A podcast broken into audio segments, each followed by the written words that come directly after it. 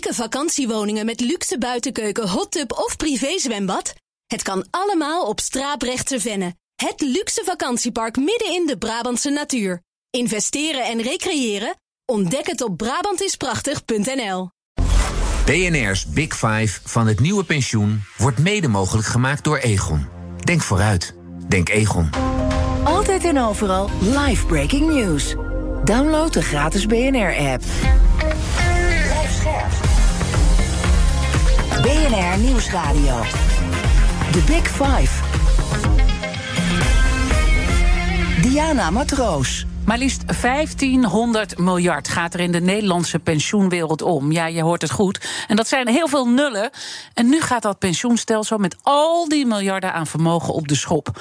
En wat verandert er nou concreet voor jou als de Eerste Kamer eind deze maand akkoord gaat met het nieuwe pensioenstelsel? Als ze dat overigens al gaan doen, want de discussie begint weer op te borrelen. Is het een echte verbetering? En welk politiek en financieel spel zit er nou achter?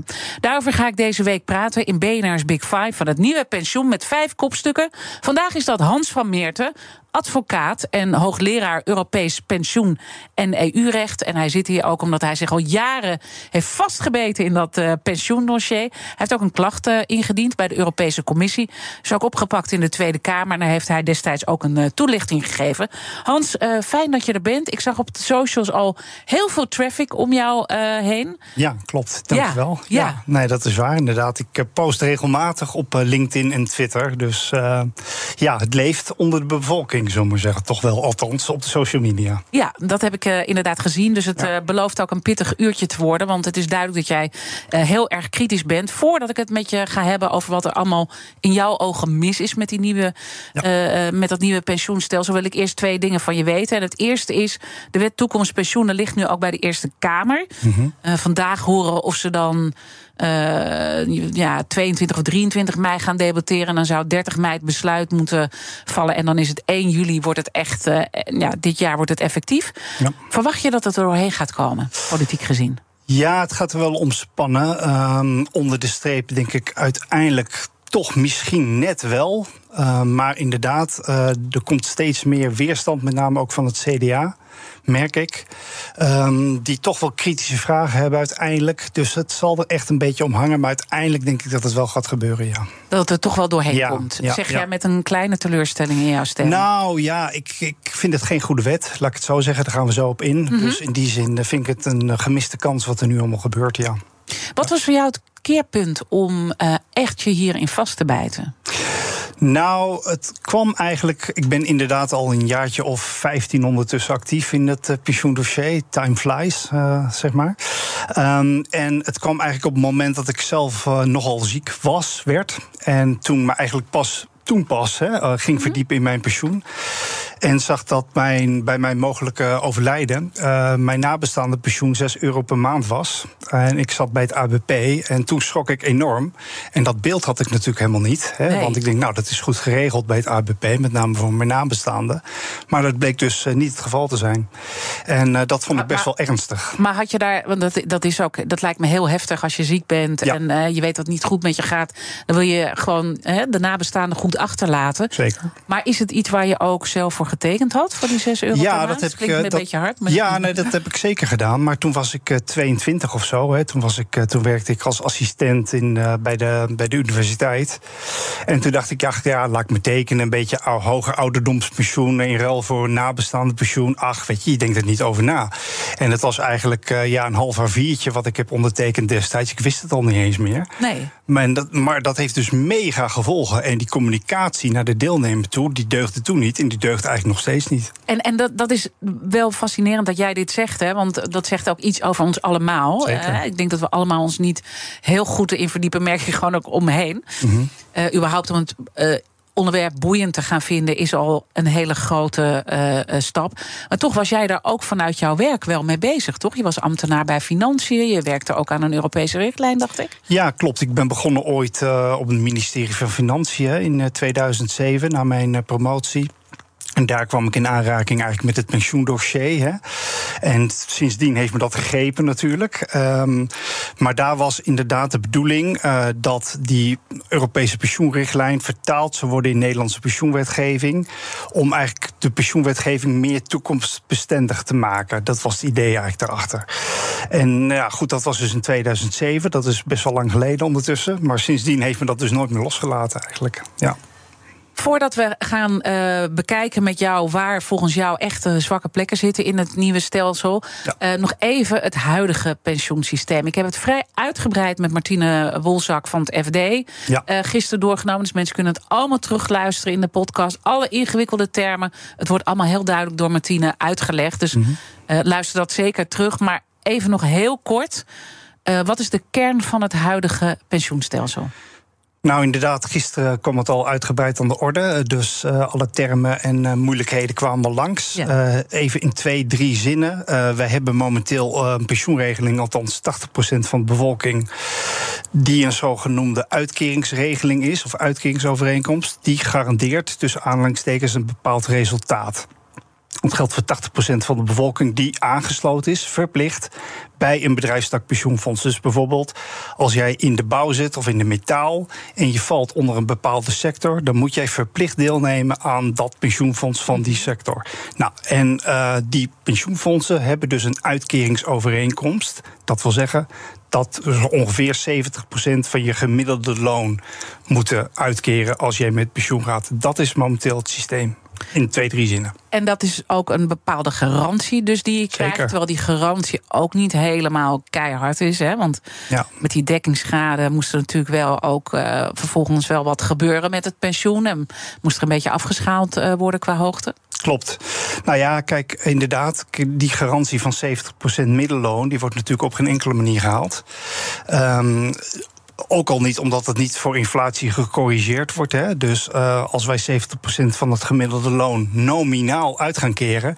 Ja, dat blijft natuurlijk met de inflatie, hoge inflatiecijfers van de laatste jaren nauwelijks wat van over. Of nauwelijks wat van over. Veel lager in ieder geval de 70%. Dus ik zeg altijd, je moet kijken naar de reële koopkracht. Wat gebeurt er nou reëel? En je zit wel verplicht bij een bedrijfstakpensioenfonds. Dus ik denk het minste wat je dan kan verwachten in return. is dat jij in ieder geval voor inflatie gecorrigeerd wordt. Ja, en dat gebeurt dus ook niet. Dus dat is ook de reden waarom, maar en met heel veel andere redenen die we gisteren al hebben uitgelegd met Martine, dat uh, we moesten dit systeem om gaan gooien. Er komt er een nieuw stelsel. Mm -hmm. En wat wordt er nu losgelaten waarvan jij zegt, je gaat het helemaal fout? Nou, wat er gaat gebeuren, in, in één, twee zinnen ook weer, hè, is dat, uh, kijk, het, de, uh, wat we massaal hebben opgebouwd onder die uitkeringsovereenkomsten, laten we even gemakshalve even zeggen 1500 miljard euro kapitaaluitkingsovereenkomsten. Dat wordt nu met het zogenoemde invaren, heet dat, hè, omgezet, massaal, naar een beschikbare premieregeling. Dus waar jij eerst onder de uitkeringsregeling nog een bepaalde garantie had, die natuurlijk een wassen neus is, daar komen we zo nog even op. Mm -hmm. Maar juridisch wel had je die garantie, 70% middelloon. Die regelingen, al dat kapitaal wat daarin is opgebouwd, die worden omgezet naar een beschikbare premieregeling waar geen garantie is. Dus juridisch gezien vervalt die garantie.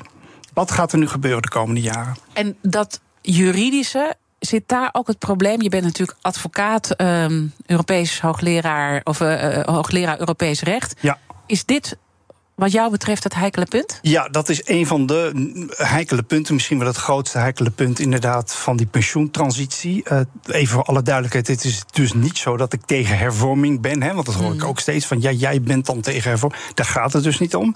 Het gaat er met name om dat invaren, dus het omzetten van A naar B. En dat is in mijn ogen in strijd met het Europese eigendomsrecht. Uh, uh, ik zag overigens gisteren, daar hadden we het al kort even over.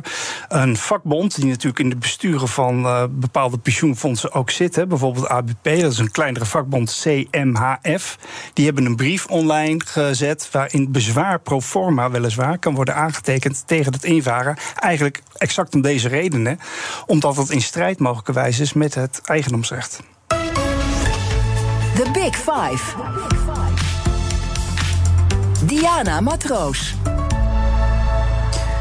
Mijn gast is Hans van Meerten. Hij is advocaat en hoogleraar Europees pensioen en EU-recht. En heeft zich al jaren vastgebeten, 15 jaar, uh, vertelde je me net, uh, in dit uh, pensioendossier. Want zo lang wordt er natuurlijk over gesproken over dat nieuwe stelsel. Er waren akkoorden en toen toch weer niet. We hebben het allemaal kunnen volgen in het nieuws, maar het begint nu zo concreet te worden. En eigenlijk Uh, mag ik zeggen dat je een beetje een roepende in de woestijn bent? Ja, dat mag je wel zeggen, ja. Alhoewel, ja. er komen er wel steeds meer bij. Steeds meer roepende in de woestijn. Ja, dat zag ik ook ja. wel op LinkedIn uh, gisteren voorbij komen... via de ja. socials waar jij uh, post. Maar hoe voelt dat voor jou? Want je zegt, uh, ja, je hebt echt vanuit integer en kennis... probeer je dit aan te kaarten. Je hebt ook in de Tweede Kamer gesproken. Ja.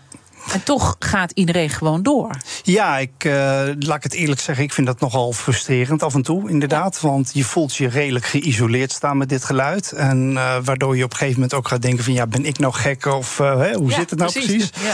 Ja. maar goed, ik blijf dat soort dingen wel roepen. Met name omdat ik gewoon een soort van innerlijke overtuiging inderdaad heb... dat het gewoon niet deugt wat hier allemaal gebeurt. Ook rechtsstatelijk niet.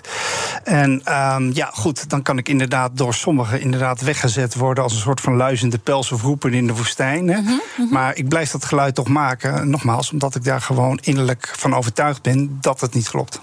Laten we met, met jou wat meer de diepte ingaan om goed te begrijpen ook waar jouw argumenten uh, vandaan komen. En ik wil straks allerlei punten gaan aflopen.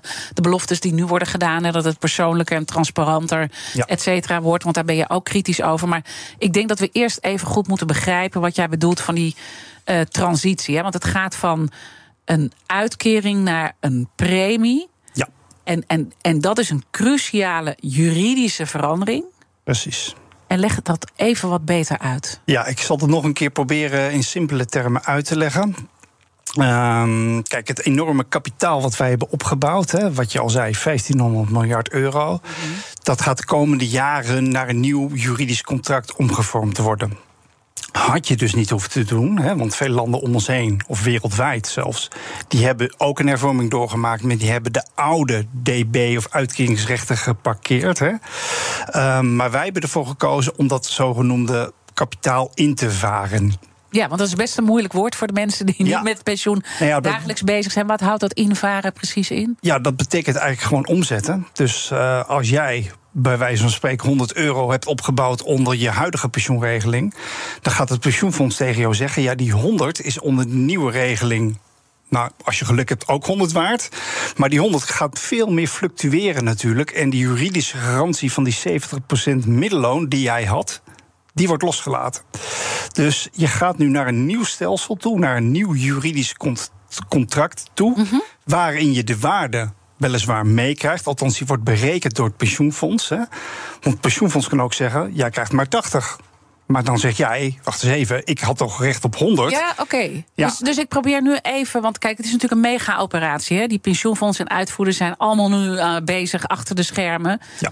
Uh, dan gaan we zo, uh, wil ik zo nog van je weten wat voor mega-operatie dat precies is. Want dan krijgen we daar ook een beetje een beter beeld bij. Maar als de Eerste Kamer nu eind mei akkoord gaat, Mm -hmm. dan wordt het per 1 juli gaat dit nieuwe stelsel in. En Ja. dan per 1 januari 2027 moet iedereen het op orde hebben. Klopt. En dan doe ik mijn laptop open. Ja. En ik kijk naar mijn pensioenoverzicht.nl. Precies. En wat is er dan mogelijk gebeurd?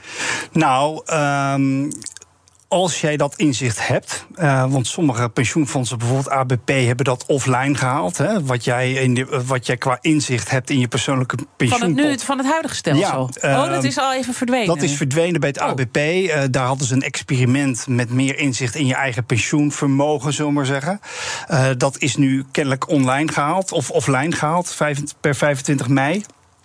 Um, maar stel even, je hebt dat inzicht, hè, uh, je hebt dat inzicht, dan gaat jouw waarde in principe blijft dan hetzelfde. Ja. Alleen die waarde gaat vallen onder een heel, heel nieuw contract. Ik vergelijk het vaak gewoon met een auto. Je kan een auto kopen of je kan een auto huren. Blijft allebei een auto, snap je? Alleen de voorwaarden waaronder je die auto krijgt, die verschillen gewoon wezenlijk. Dat is het hele punt hier. En is het nu dat het meer uh, in die, die juridische stap die er gemaakt wordt, dat het ook meer een financieel product aan het worden is en minder een Ja. uitkering? Hè? Je, je zou kunnen zeggen, inderdaad, uh, ik zeg dat zelf ook. Hè, het is al een financieel product als jij zelf alle risico's draagt. En dat gebeurt zowel eigenlijk nu al, als helemaal juridisch gezien in het nieuwe stelsel. Mm -hmm. Als jij een product koopt waarin jij volledig, volledig 99 procent, zullen we zeggen, de risico's draagt. Ja, dan vind ik dat er goede bescherming tegenover moet staan. En daar um, ontbreekt het aan op sommige gebieden. Dus in mijn ogen kan dat nu al, kan een pensioenregeling nu al kwalificeren als een financieel product. Strikt juridisch misschien niet, hè? -hmm. Omdat je zegt, ja, het is een arbeidsvoorwaarde en dit en dat. Maar ik kijk eventjes door die hele wolk heen, zullen we zeggen. Mm -hmm. En ik kijk gewoon even wie draagt nu de risico's van die regeling zelf. En ik zeg altijd wel eens gekscherend: je wordt beter beschermd als je een tweedehands auto koopt dan bij een pensioenregeling. Ja, dat kan toch niet de bedoeling zijn. En het zou dus zo kunnen zijn als je het negatief bekijkt. En, uh, want, want met financieel product bedoel ik ook uh, dat er uh, meer financieel risico genomen gaat kunnen worden mm -hmm. in dit nieuwe systeem, als ik het ja. goed begrijp. dus het wordt meer afhankelijk van de economie. Ja. Hoe het allemaal reilt en zeilt. Mm -hmm. Of, of gaat het meer met de beurs? Want de economie en de beurs hebben ook weer nou, kijk, andere parameters, hoe moet ik het zien? Dat kwam gisteren ook al even langs ja. door, door Martine, die inderdaad ook wel terecht zei: ja, dat was het altijd al. Het was altijd al ja. afhankelijk natuurlijk van de beurs. Hè. Uh, dat is waar. Um, alleen, nogmaals, die juridische garantie die vervalt. En dat maakt nogal een verschil, vind ik. Ook op de manier waarop je gaat beleggen. Want als jij een bepaalde belofte moet nakomen, ga je natuurlijk conservatiever beleggen ja. dan wanneer je dat niet hoeft te doen. Dat voelt een kind aan, zullen we maar zeggen. Um, als jij namelijk geen toezegging meer hoeft te doen doen, gestand hoeft te doen, ja, dan kan je veel meer risico nemen. En zou het dan kunnen zijn om even weer die 100 te pakken, dat jij dus uh, vervolgens jouw nieuwe overzicht opent en dat het in één keer nog maar 80 is? Dat zou kunnen. Kijk, we horen nu geluiden. Um, hij schrijft hier ook uh, overmorgen, geloof ik, aan. Tuur Elzinga van de vakbond Ik sluit een week met hem af vrijdag. Oh, je sluit een week ja. met hem af vrijdag. Die heeft ooit eens gezegd: we gaan er allemaal op vooruit. Ja, ik vind dat nogal een statement, um, omdat dat A niet gezegd kan worden. Hè? Want je weet natuurlijk nooit hoe de beurzen zich gaan ontwikkelen. Maar B, uh, ja, er moet ook bij verteld worden dat het natuurlijk ook net zo hard omlaag kan gaan. Hè? En uh, de AFM, de toezichthouder destijds, heeft er toen voor gewaarschuwd toen we een andere pensioenregeling kregen waarin veel meer risico werd gelopen. Van ja, jongens, maar die regeling kan ook met 15% gaan zakken. We waarschuwen daar nadrukkelijk voor. Ja, en ik vind dat die waarschuwingen, dat het ook enorm kan tegenvallen, veel te weinig worden belicht. Dus het kan positief uitpakken, dat is waar. Maar je moet ook het hele verhaal vertellen dat Zeker. het ook dus negatiever kan uitpakken. Dan heb je dus geen. Kan je niet zeggen, hey, 70% van mijn gemiddeld verdiende loon uh, wil ik krijgen als ik met uh, pensioen uh, ga. Nee. Die garantie heb je dus niet meer. Nee. En dan zeg je, dit, dit is een, een, een juridische stap die wordt genomen die ook helemaal eigenlijk niet kan. Die Europees gezien niet in stand kan blijven. Terwijl, um, dit is wat ik lees, hè, wat jij ja. eerder hebt verteld. Maar mm -hmm. je moet het maar even uitleggen. Want ik denk, ja, het, het kabinet heeft hier naar gekeken. Hebben allemaal hele slimme mensen. Ja. 15 jaar, de landsadvocaat, de Raad van State. Mm -hmm. Ze hebben allemaal ja gezegd. Ja, klopt. Het kan. Nou, ik zal het even inderdaad iets toelichten nog nader. Want het is niet zo dat het op zich niet kan. Hè. Je kan van alles, uh, zullen we maar zeggen. Mm -hmm. Alleen, uh, je zit wel verplicht bij een pensioenfonds. Uh, ik zit, even als voorbeeld, verplicht bij het ABP of bij PFZW. Hè? Uh, onder bepaalde voorwaarden. Snap je? Ik moet deelnemen aan een bepaald pensioenfonds. Prima, of prima, dat kan. Hè? Um, maar er moet in return wel een bepaalde garantie tegenover staan. Of een bepaalde, ja, moet ik zeggen, commitment. En op het moment dat die dus wegvalt, kan je gewoon met goed fatsoen afvragen: ja, maar wacht eens even. Waarom zit ik dan nog bij een pensioenfonds? Als Pietje op de hoek, bij wijze van spreken, het net zo goed kan, of misschien nog wel beter. En dat is ook in de essentie, ja, klacht is een groot woord, maar eigenlijk een onderzoek wat ik heb gevraagd aan de Europese Commissie. Mm -hmm. Blijft die verplichtstelling als ik bij zo'n pensioenfonds zit, nog wel in stand op het moment dat die garantie wegvalt? Dat is nu de vraag. En inderdaad. Maar is dit dan eigenlijk een tweede punt wat erbij komt? Want um, ik probeer je eerste punt te begrijpen en dit is nu een tweede punt die erbij komt. Ja, precies. Het hangt wel samen, inderdaad. Okay. Hè? Ja, en uh, kijk, op het moment dat die garantie dus wegvalt. Dan kan je je afvragen, ja, maar waarom zit ik dan verplicht bij een pensioenfonds. Dat is eigenlijk de essentie van het verhaal. Uh, en nou is inderdaad door de regering en door deskundigen van de regering is dat uh, eigenlijk een beetje ontkend. die zien nog steeds de reden voor die verplichtstelling. Ja, ik zie dat dus minder of niet. Ja, en het ligt nu dus bij de Europese Commissie, omdat ik gewoon daar zekerheid over wil hebben. Dat is ook in het belang van de pensioenfondsen, zou ik zeggen. Mhm. Dus als je een beetje grote jongen bent en sportief bent, dan verwelkom je dat. Omdat dat natuurlijk nogal consequenties kan hebben als die Europese Commissie over een jaar zegt: jongens, hier moet een streep doorheen. Dan kunnen we dat hele zaakje gaan terugdraaien. Ja, dat is in niemands belang. En als je dan kijkt uh, eigenlijk naar die vakbond, die dus die kleine vakbond hè, die je noemde, die net wel die via dat ABP dus indirect aan die pensioentafels heeft gezeten. Zeker. Die doen dus nu eigenlijk een voorzet al om hier gehakt van te maken. Ja, die hebben een beetje ontleend aan die box 3 uh, ellende, zeg ik maar even. Hè. Dus die belastingheffing, die in strijd werd geacht later door de Hoge Raad met het eigendomsrecht. Um, en toen zei de Hoge Raad later: ja, maar als je geen bezwaar hebt gemaakt, dan krijg je ook geen geld terug. Dus eigenlijk vanuit die optiek is het een beetje ingegeven van we maken vast pro forma bezwaar tegen dat invaren. Uh, want dan kunnen we in ieder geval niet het verwijt krijgen: je hebt geen bezwaar gemaakt. Huh? Dus dat, maar dat geeft, uh, dat is het fonds uh, CMHF, hè? CMHF, ja. Ja, wat geeft dit aan voor jou? Nou, ik vind dat toch wel een heel belangrijk signaal, eerlijk gezegd. Want als we zeggen, het is een kleinere vakbond. Hè, dat, uh, ik bedoel, de FNV en uh, CNV zijn natuurlijk groter. Hè? Mm -hmm. Maar het is wel een vakbond. En dat vertegenwoordigt uh, natuurlijk uh, sociale partners voor een deel.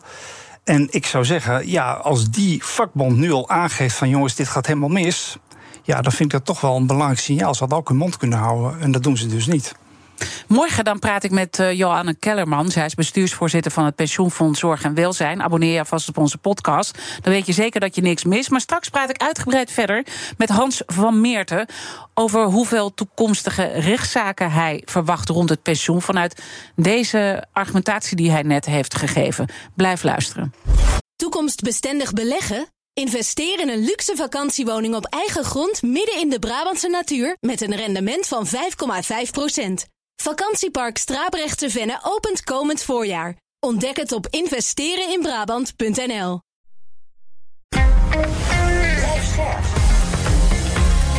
BNR Nieuwsradio. The Big Five. Diana Matroos. Welkom bij het tweede half uur. Deze week praat ik met vijf kopstukken uit de pensioenwereld. Later deze week sluit ik de week af met Tuur Elzinga van de FNV. Mijn gast vandaag is Hans van Meerten. Hij is advocaat en hoogleraar Europees pensioen en EU-recht. En het komend half uur wil ik in ieder geval nog twee onderwerpen met jou bespreken. Hoe jij dan de oplossing uh, voor je ziet. Want het is duidelijk dat je kritisch bent uh, op het huidige stelsel. En ook verder inzoomen op de gevolgen van dat nieuwe stelsel waar we eigenlijk uh, waren uitgekomen. We gaan uh, met dit laatste beginnen. Uh, maar ook nog even de kettingvraag uh, behandelen. Want gisteren sprak ik met Martine Wolzak de pensioenexpert van het Financieel Dagblad, die met name de zaken volgt vanuit de politiek. En Martine had deze vraag voor jou, Hans. Ieder jaar leggen werkgevers en werknemers 40 miljard aan pensioenpremie verplicht in. Um, en ik ik, nou, Hans van Meerten is al jarenlang heel kritisch. En die zegt als die pensioenhervorming doorgaat, dan verdwijnt die verplichting. Um, nou, dan mag hij morgen uitleggen waarom dat zo is. Maar ik ben vooral benieuwd. Wat denkt hij dat er dan gaat gebeuren? Blijven wij dan 40 miljard inleggen? Of gaan we dan veel minder betalen? En zou hij dat erg vinden of niet? Nou, die eerste vraag heb je al beantwoord, hè? Ja. Uh, want uh, je hebt die verplichting al uitgelegd. Gaan we zo nog wel wat meer op in. Maar even die, dat laatste punt. Wat, wat denk je dat er gaat gebeuren? Blijven we die 40 miljard inleggen? Nou, kijk, ik uh, maak vaak een verschil tussen verplichtstelling groot en verplichtstelling klein. Hè? Um, ik ben dus niet tegen de verplichtstelling. Dat is ook een vaak een kritiekpunt wat ik krijg. Hè, van ja, maar jij bent tegen de verplichtstelling. Dan krijgen we Amerikaanse toestanden in ieder geval. Daar gaat het dus niet om. Het gaat erom dat je verplicht kan blijven sparen voor je pensioen. Alleen geef een werkgever bijvoorbeeld zelf de keuze waar die dat dan onderbrengt. Waarom moet ik bij een ABP zitten of bij een PVZW? Dus in die zin hoeft er niet heel veel te veranderen, want je blijft gewoon verplicht inleggen voor je pensioen. Alleen je kan kiezen waar je dat doet. Overigens vind ik wel wat we te veel sparen, want dat vermogen is natuurlijk gigantisch ondertussen. 1500 miljard, ik Ja. herhaal het maar weer eventjes. En bij Eh, het ABP is het geloof ik 500 miljard. En het waren ooit plannen van de minister van Binnenlandse Zaken om het ABP op te knippen, omdat het gewoon te groot is geworden. Het is onbestuurbaar geworden ondertussen. En dan hebben ze dus nu die uh, mega-operatie om dus van het oude systeem naar het nieuwe systeem te gaan. Dan heb je net al uitgelegd dat dat ook invaren heet. Dus je stopt met oude dingen en je gaat een, een, een, een nieuw uh, verhaal opzetten. Waar jij dus ja. heel erg uh, bevreesd over bent. Ja. Nog even over die operatie zelf. Waar moeten we dat mee vergelijken? Nou, het is eigenlijk niet te vergelijken met een operatie die we ooit hebben gedaan in Nederland, laat staan wereldwijd. Want dat is natuurlijk een enorm vermogen, hè, wat zei, 1500 miljard, wat omgezet gaat worden naar een nieuw contract, zonder dat je daar een individueel bezwaarrecht tegen hebt. Bij normale waardeoverdracht, als jij van pensioenfonds wisselt, bijvoorbeeld wel, hè, dan kan je bezwaar aan tekenen. Maar dat gebeurt dus hier niet. Dus dat gaat rechtszaken regenen, voorspel ik, omdat mensen dat gewoon niet zullen pikken. En uh, dat is voor mij als advocaat leuk, zullen we maar zeggen. Mm -hmm. Alleen, ik heb daar vaak voor gewaarschuwd. Doe dat nou gewoon niet. Dat is in zekere zin natuurlijk wel broodroof, zou je kunnen zeggen. Hè? Want ik kreeg onlangs het verwijt ook weer van iemand van... ja, maar dat is belangenverstrengeling. Dan zou ik er juist voor zijn. Hè? Ik, ik heb altijd gewaarschuwd, ga alsjeblieft niet invaren. Doe het zoals elke, elk land om ons heen en wereldwijd. Zet gewoon die bestaande aanspraken safe, veilig weg ergens. Ja. En ga opnieuw beginnen met opbouwen. Oké, okay, dus ik probeer nog even jouw punten ook uh, samen te vatten. Ook om het voor mezelf uh, begrijpelijk uh, te houden. En ik hoop ook voor iedereen die luistert. Want het is best wel... Ja. Uh, ingewikkeld. Dus je zegt, we gaan van een oud naar een nieuw systeem. We gaan van een uitkeringsrecht. Ja. Uh, gaan we naar een premie uh, toe. Aanspraak, ja. Premie-aanspraak. Dus je hebt geen. Dat kan zomaar. Dat kan goed uitpakken, maar dat kan ook totaal verkeerd uitpakken. En we hebben daar geen inspraak in gehaald. Dus het is ons eigen geld waar wij dus. He, sommige mensen leggen een paar honderd euro. Het hangt een beetje vanaf wat je verdient natuurlijk. Ja. Maar een paar honderd euro per maand uh, uh, leg je in. En je werkgever doet daar nog een schepje uh, bovenop. Mm -hmm. He, dat gaat om een gigantisch veel geld. En daar heb je dus eigenlijk niet zoveel over te zeggen. Dus ook bijvoorbeeld als je uh, wil zeggen: ik wil heel graag duurzaam gaan beleggen. En dit is het moment. Ja. Mm -hmm. he, want het wordt allemaal transparanter en persoonlijker. Dat is eigenlijk een beetje het verhaal wat we te horen krijgen. Ja. Dat kan eigenlijk helemaal niet. Nee, dat, uh, daar ben je uh, aan de gillen van het pensioenfonds overgeleverd, zullen we maar zeggen. Of die inderdaad voor een meer groene portefeuille gaan kiezen of niet. Hè. Um, als ze dat niet doen, ja, dan heb je als deelnemer, als inlegger, eigenlijk weinig mogelijkheden. Um, er zijn bepaalde groepen die nu opstaan, bijvoorbeeld huisartsen. Die zeggen van ja, wacht eens even, ik wil niet dat mijn pensioenfonds belegt in de wapenindustrie. Ik noem maar wat. Daar kan ik ja. mij als arts niet mee verenigen hè, met, die, met, die, uh, met die methode. Ja, en daar gaat opstand, of opstand, er gaat inderdaad iets tegen gedaan worden. Uh, sterker nou ja, nog, daar ben ik geval, mee bezig. Het gaat even over de beloftes. Hè, want we hebben natuurlijk ja. in het verleden ook beloftes gedaan rond dat pensioen.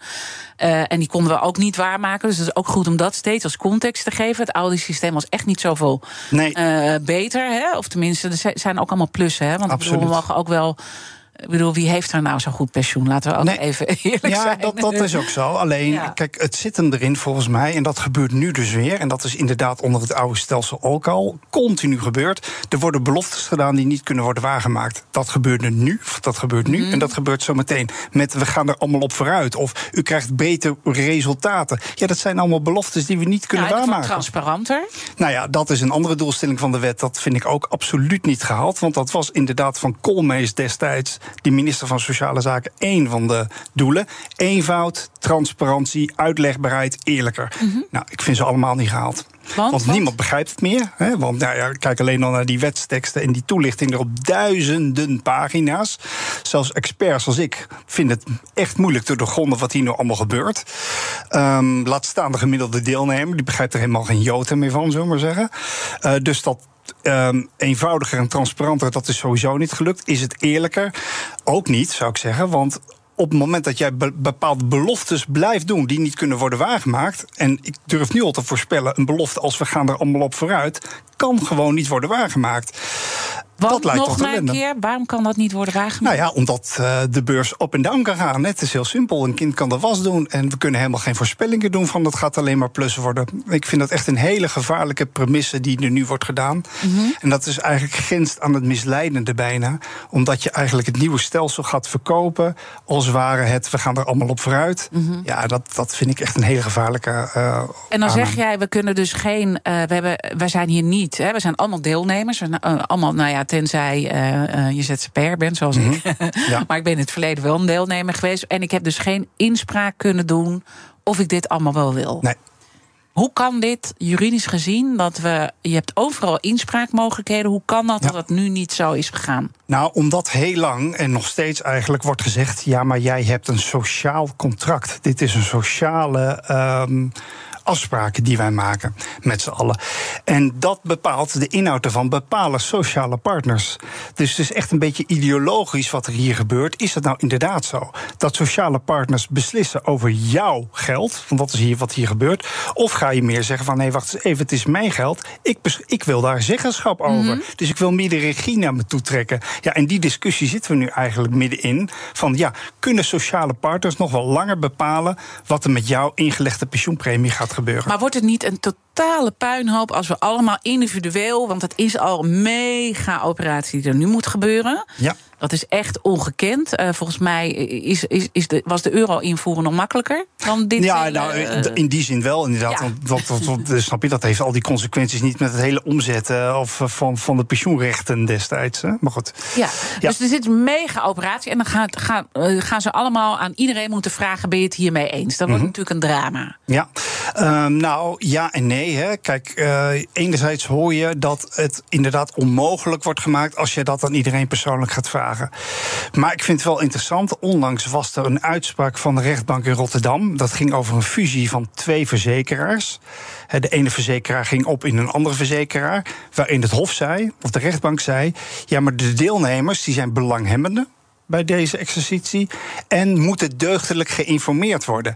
Ja, en ik vind dat nogal van belang voor dat hele invaarproces. Want ook daar kan je zeggen: ja, maar wacht eens even, dan moeten deelnemers in ieder geval deugdelijk geïnformeerd worden, goed geïnformeerd worden over de consequenties. En ze zijn ook nog een keer belanghebbende. Dat werd ook door DNB bijvoorbeeld heel lang ontkend. Hè?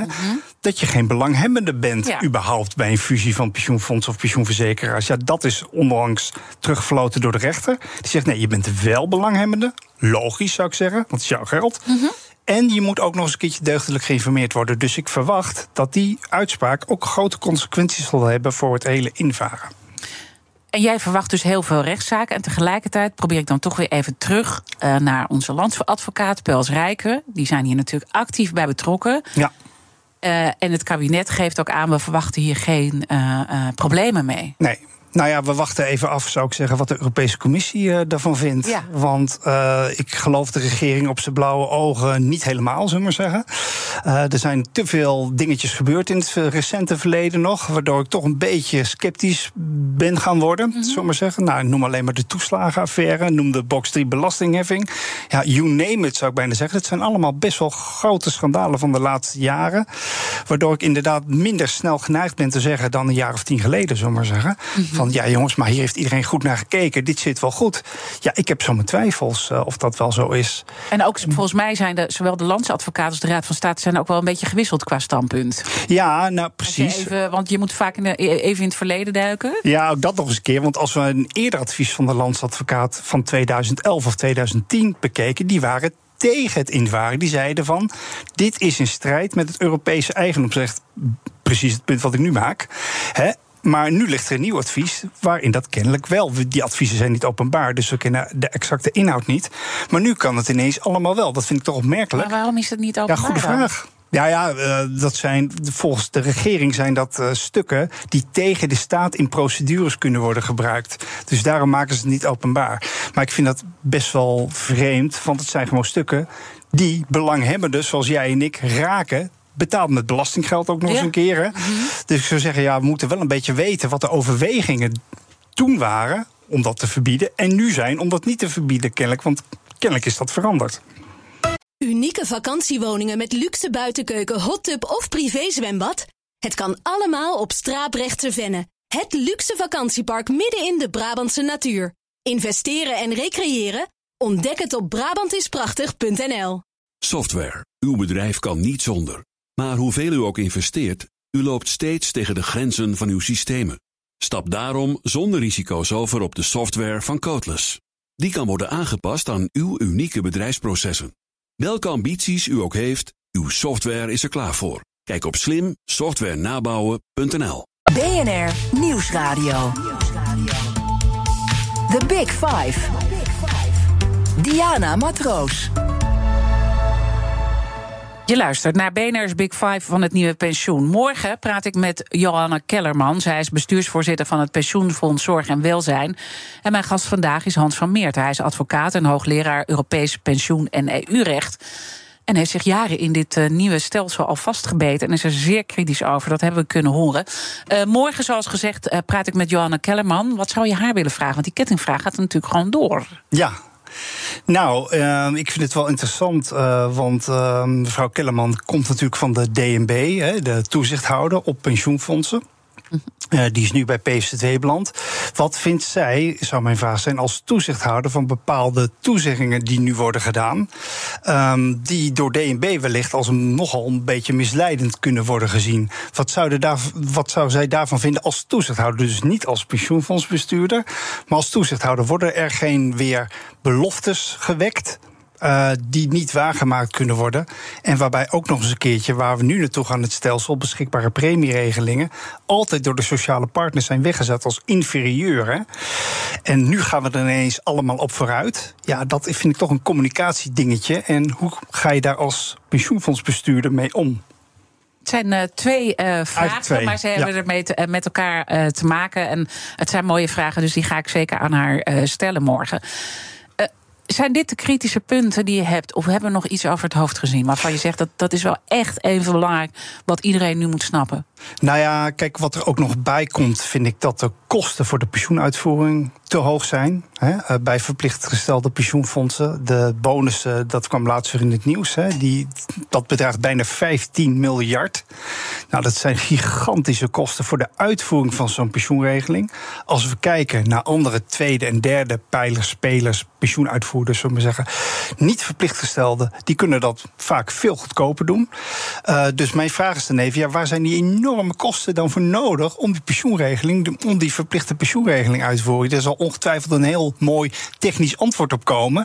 Maar ja, als buitenstaander kan je daar toch van afvragen van, ja, maar wacht eens even, 15 miljard euro gaan op aan bonussen en vergoedingen. Ja, dat is enorm veel. Ja, en het gaat dan wel weer over een pot van 1500 miljard. Hè? Dus ja. dan moet je ook wel weer het in perspectief van dat. Maar dan nog steeds. Ja. ja, dat blijft een aardig bedrag, zou ik zeggen. Ja. Zo, dat, dat, dat, nou ja, want jaarlijks wordt uh, de pensioenuitkering is geloof ik uh, 35 miljard per jaar. Ja, de pensioen, de exacte cijfers daarover. Zoiets ongeveer. Ja, dus dan als je dat een beetje aan uh, relateert. Uh, ik, maar ik heb ook wel weer. Um, maar ja, dat is dan weer private equity. Want die, die zijn goed voor zo'n 9 miljard. Hè, ja, die slokken een mooi stuk in Follow the Money. Ja, Precies, die slokken daar een groot deel van op. En inderdaad, Follow the Money heeft er laatste aandacht aan besteed. En die zeggen ja, met index beleggen uh, kan je dezelfde resultaten halen. Hè. Dat is eigenlijk basically wat ze zeggen in dat onderzoek. Dus waarom moet je al die dure kosten aan private equity maken? Nogmaals, ik ben geen dus ik weet niet. Maar denk je dat dit toe gaat nemen in het nieuwe stelsel? Dat we dus. Uh, um, het zal niet afnemen. Meer, uh, nou ja, we mogen meer risico gaan nemen. Ja. En dat kan in de plus en de min uitvallen. Dat is wat je hebt uitgelegd. En je zegt, vertel het eerlijke verhaal. Maar ja, ja. het is ook een, een pot met honing natuurlijk. Waar Zeker. meer mogelijkheden nu komen. Ja, absoluut. Nou ja, de verwachtingen zijn, wat ik zo hier en daar heb gelezen, dat dat bedrag aan vergoedingen niet zal afnemen. En dat was ook wel weer een van de doelstellingen. Van ja, het moet allemaal eerlijker, goedkoper, beter en transparanter. Ja, uh, nogmaals, uh, dat ja, gaat allemaal niet. Er zijn wel wat fondsen die volgens mij wel iets minder aan private equity hebben uitgegeven. Maar... Dat zou kunnen, ja, het verschilt per fonds. Ja, zeker. ik zal het ja. morgen ook aan uh, ja. Jan Kellerman uh, vragen.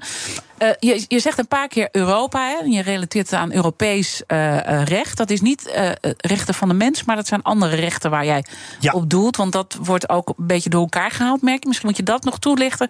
En dan hoe ver Europa nou uiteindelijk is met dit verhaal. Ja, nee, oké. Okay. Um, inderdaad, hè, um, op de dag van Europa kan je daar niet helemaal omheen natuurlijk. Hè, want we zitten natuurlijk wel, of het leuk vinden of niet, hè, dat is nog even een vers 2, maar we zitten wel in een interne markt. Waar pensioenfondsen uh, eigenlijk grote financiële spelers ook zijn. Hè. Kijk naar een ABP, 500 miljard uit mijn hoofd, zo hè, beheren ze. enorme impact natuurlijk op de financiële markten. Dus die moeten aan allerlei regels voldoen die aan die in de interne markt hangen. En er komt natuurlijk een stortvloed vanuit Europa, de EU, aan regelgeving die van toepassing is. Transparantie, disclosure, ja, you name it, zullen we maar zeggen. Die van toepassing is direct op die pensioenfondsen. Dus om te zeggen, ja, het is een sociaal product, dat geldt misschien voor de regeling zelf, die die sociale partners maken, maar niet voor degene die het uitvoeren, namelijk de pensioenfondsen. Want dat zijn gewoon ondernemingen enorme financiële belangen. En die zullen onder die uh, regels ook uh, mogelijk worden bekeken. Maar ja. wat, wat zegt, want je hebt dus, dus uh, een klacht gedaan al een tijd geleden. En dan hadden ze op een gegeven moment meer tijd nodig, want ze vonden het misschien ook ingewikkeld ja. hoe ze hier naar moesten kijken. Maar ja, we noemden al een beetje, je bent een roepende in de woestijn. Ja. Begin je dat daar ook te worden of beginnen ze daar. Nou ja, gelukkig dus steeds minder inderdaad. Dat, dat gelukkig wel. maar inderdaad, de essentie daar ook is van ja, wacht eens even. Um, kijk nou eens even, Europese Commissie, waarom ik nog verplicht bij een pensioenfonds zit. Er was destijds, eind jaren 90, vorige eeuw, waren daar bepaalde voorwaarden voor geformuleerd door, door het Europese Hof. Waarom ik verplicht bij een pensioenfonds zat en zit. Um, en ik zeg eigenlijk in die klacht, of ja, liever onderzoek, formuleer ik het liever. Hè, mm -hmm. Van ja, wacht eens even. Um, voldoen wij überhaupt nog aan die voorwaarden die destijds door het Europese Hof zijn geformuleerd? Waaronder solidariteit, een regeling moest solidair zijn. Um, moest een bepaalde uitkering garanderen. Nou ja, uh, inflatie werd daar ook genoemd als een van de voorwaarden. De uitkering moet inflatiebestendig zijn om je koopkracht te garanderen. Ja, aan al die voorwaarden voldoen wij niet meer. Dus mijn vraag is gewoon even heel juridisch. Hè, of, nogmaals, of je het nou leuk vindt of niet, dat doet er niet toe. Het is een juridische vraag. Wat rechtvaardigt de inbreuk die het is hè, op de vrije marktwerking. als ik verplicht bij een bepaald pensioenfonds zit? Wat rechtvaardigt dat nog? En wat is het antwoord? Um, ik persoonlijk zie dat niet. Nee, maar de, ik, ik, ik ben benieuwd wat Europa aan het doen is. Want ja, dat durf ik helaas niet te lang, voorspellen. Ja, het duurt lang. Ze hebben wel een onderzoek gestart. In die zin dat ze het ministerie nu hebben gevraagd om nadere informatie. Dat vind ik op zich al hoopgevend. Want ze had het ook kunnen afwijzen meteen al. Door te zeggen van ja, dat is een heel interessant punt. Maar dat gaan we verder niet onderzoeken. Dat is dus wel gebeurd. En wat er nou precies achter de schermen allemaal uh, wordt uh, besloten hierover. Ik heb geen idee eerlijk gezegd. Nee, en, en, en dat is ook waarom jij misschien ook denkt van uiteindelijk komt het er wel gewoon politiek gezien, gaat het het redden? Ja, ik denk niet dat het voor die tijd bekend zal worden. Uh, maar ik vind dat toch jammer. Want stel je even voor dat die Eerste Kamer instemt. En over een maand of drie komt de Europese Commissie met de uitkomsten van dit onderzoek. Ja, en dat luidt eigenlijk van dit is gewoon niet houdbaar. Ja, dan hebben we toch wel een probleempje met z'n allen. Ja, want dan kom je toch weer op het punt van die rechtszaken, waarvan jij zegt eigenlijk hè, die kleine vakbond die nu al uh, zegt je kan hier een bezwaarbrief uh, downloaden. Ja. Dat geeft iets aan. Dat is een, uh, een, signaal. Er is ook een zaak in Rotterdam waar je over begon. Ja. Hoe, hoeveel rechtszaken verwacht je en hoeveel, hoeveel zijn er al in de maak? Of? Nou, er zijn er al een flink aantal in de maak. Ik doe er een paar en collega's van mij natuurlijk ook. Hè, die met name ook zien op eigenlijk het gebrek aan invloed van de deelnemer bij een pensioenregeling. Wat er gebeurt nu al, als bepaalde pensioenfondsen fuseren. Ik doe bijvoorbeeld een zaak uh, reiswerk, um, waarin het pensioenfonds reiswerk ging op in het pensioenfonds grafische bedrijven. Waardoor deelnemers gewoon 20% bijna aan pensioenrechten verloren. Ja, dat is eigenlijk een beetje een voorbode voor het hele invaren. Want ook daar was de vraag van, ja, maar wacht eens even. Is die 20%, kan dat überhaupt wel? Is dat geen inbreuk op het Europese eigendomsrecht?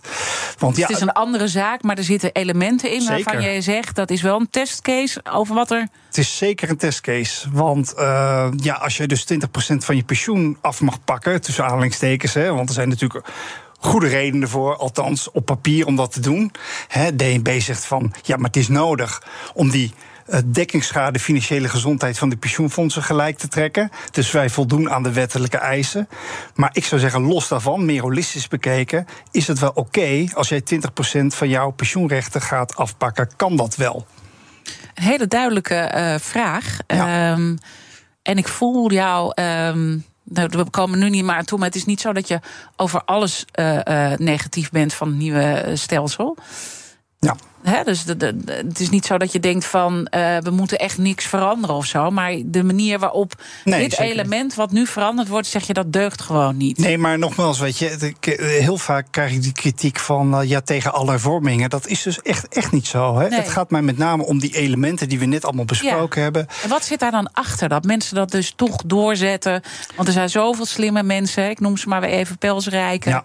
Onze landsadvocaat, de Raad van State is overstag. Iedereen heeft uiteindelijk toch ja gezegd. Nou ja, wat mij niet in dank werd afgenomen, maar wat ik toch wel blijf zeggen, eh, is dat ik denk, dat ik vermoed dat die hele, dat hele invarenproces één grote witwasoperatie is. Omdat alle fouten uit het verleden in één klap verdwijnen.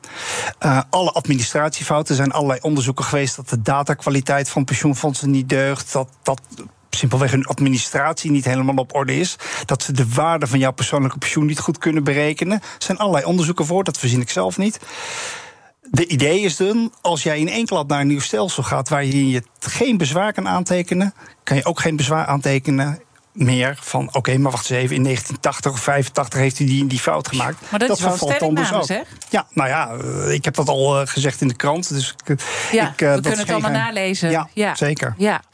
Eh, ik vond het heel interessant om met je te praten. Dat eh, doet mij, eh, nou in ieder geval, ik ben weer wat meer wakker. Ja. Ehm, ik ben gewoon heel benieuwd hoe dit verder afloopt. En wie weet praten we in de toekomst nog een keer over verder. En ik hoop dat je het een beetje voorhoudt allemaal. Want ik voel ook hoe, hoe het je raakt. Ja, zeker. Nou ja, dank inderdaad. En eh, het is inderdaad erg eh, ja, frustrerend en ook gewoon best wel vermoeiend, zullen maar zeggen. Ja. Om, om dat verhaal constant maar eh, Ja. te, te herhalen eigenlijk. Want dat is wat je eigenlijk aan het doen bent. En ja, dat is gewoon heel, heel vermoeiend inderdaad. Maar ja, Ja. nogmaals, vanuit een interne overtuiging ga ik daar toch mee door. Ik moet helaas stoppen, want ik loop al uit. Hans van Meerten, advocaat en hoogleraar Europees pensioen en EU-recht.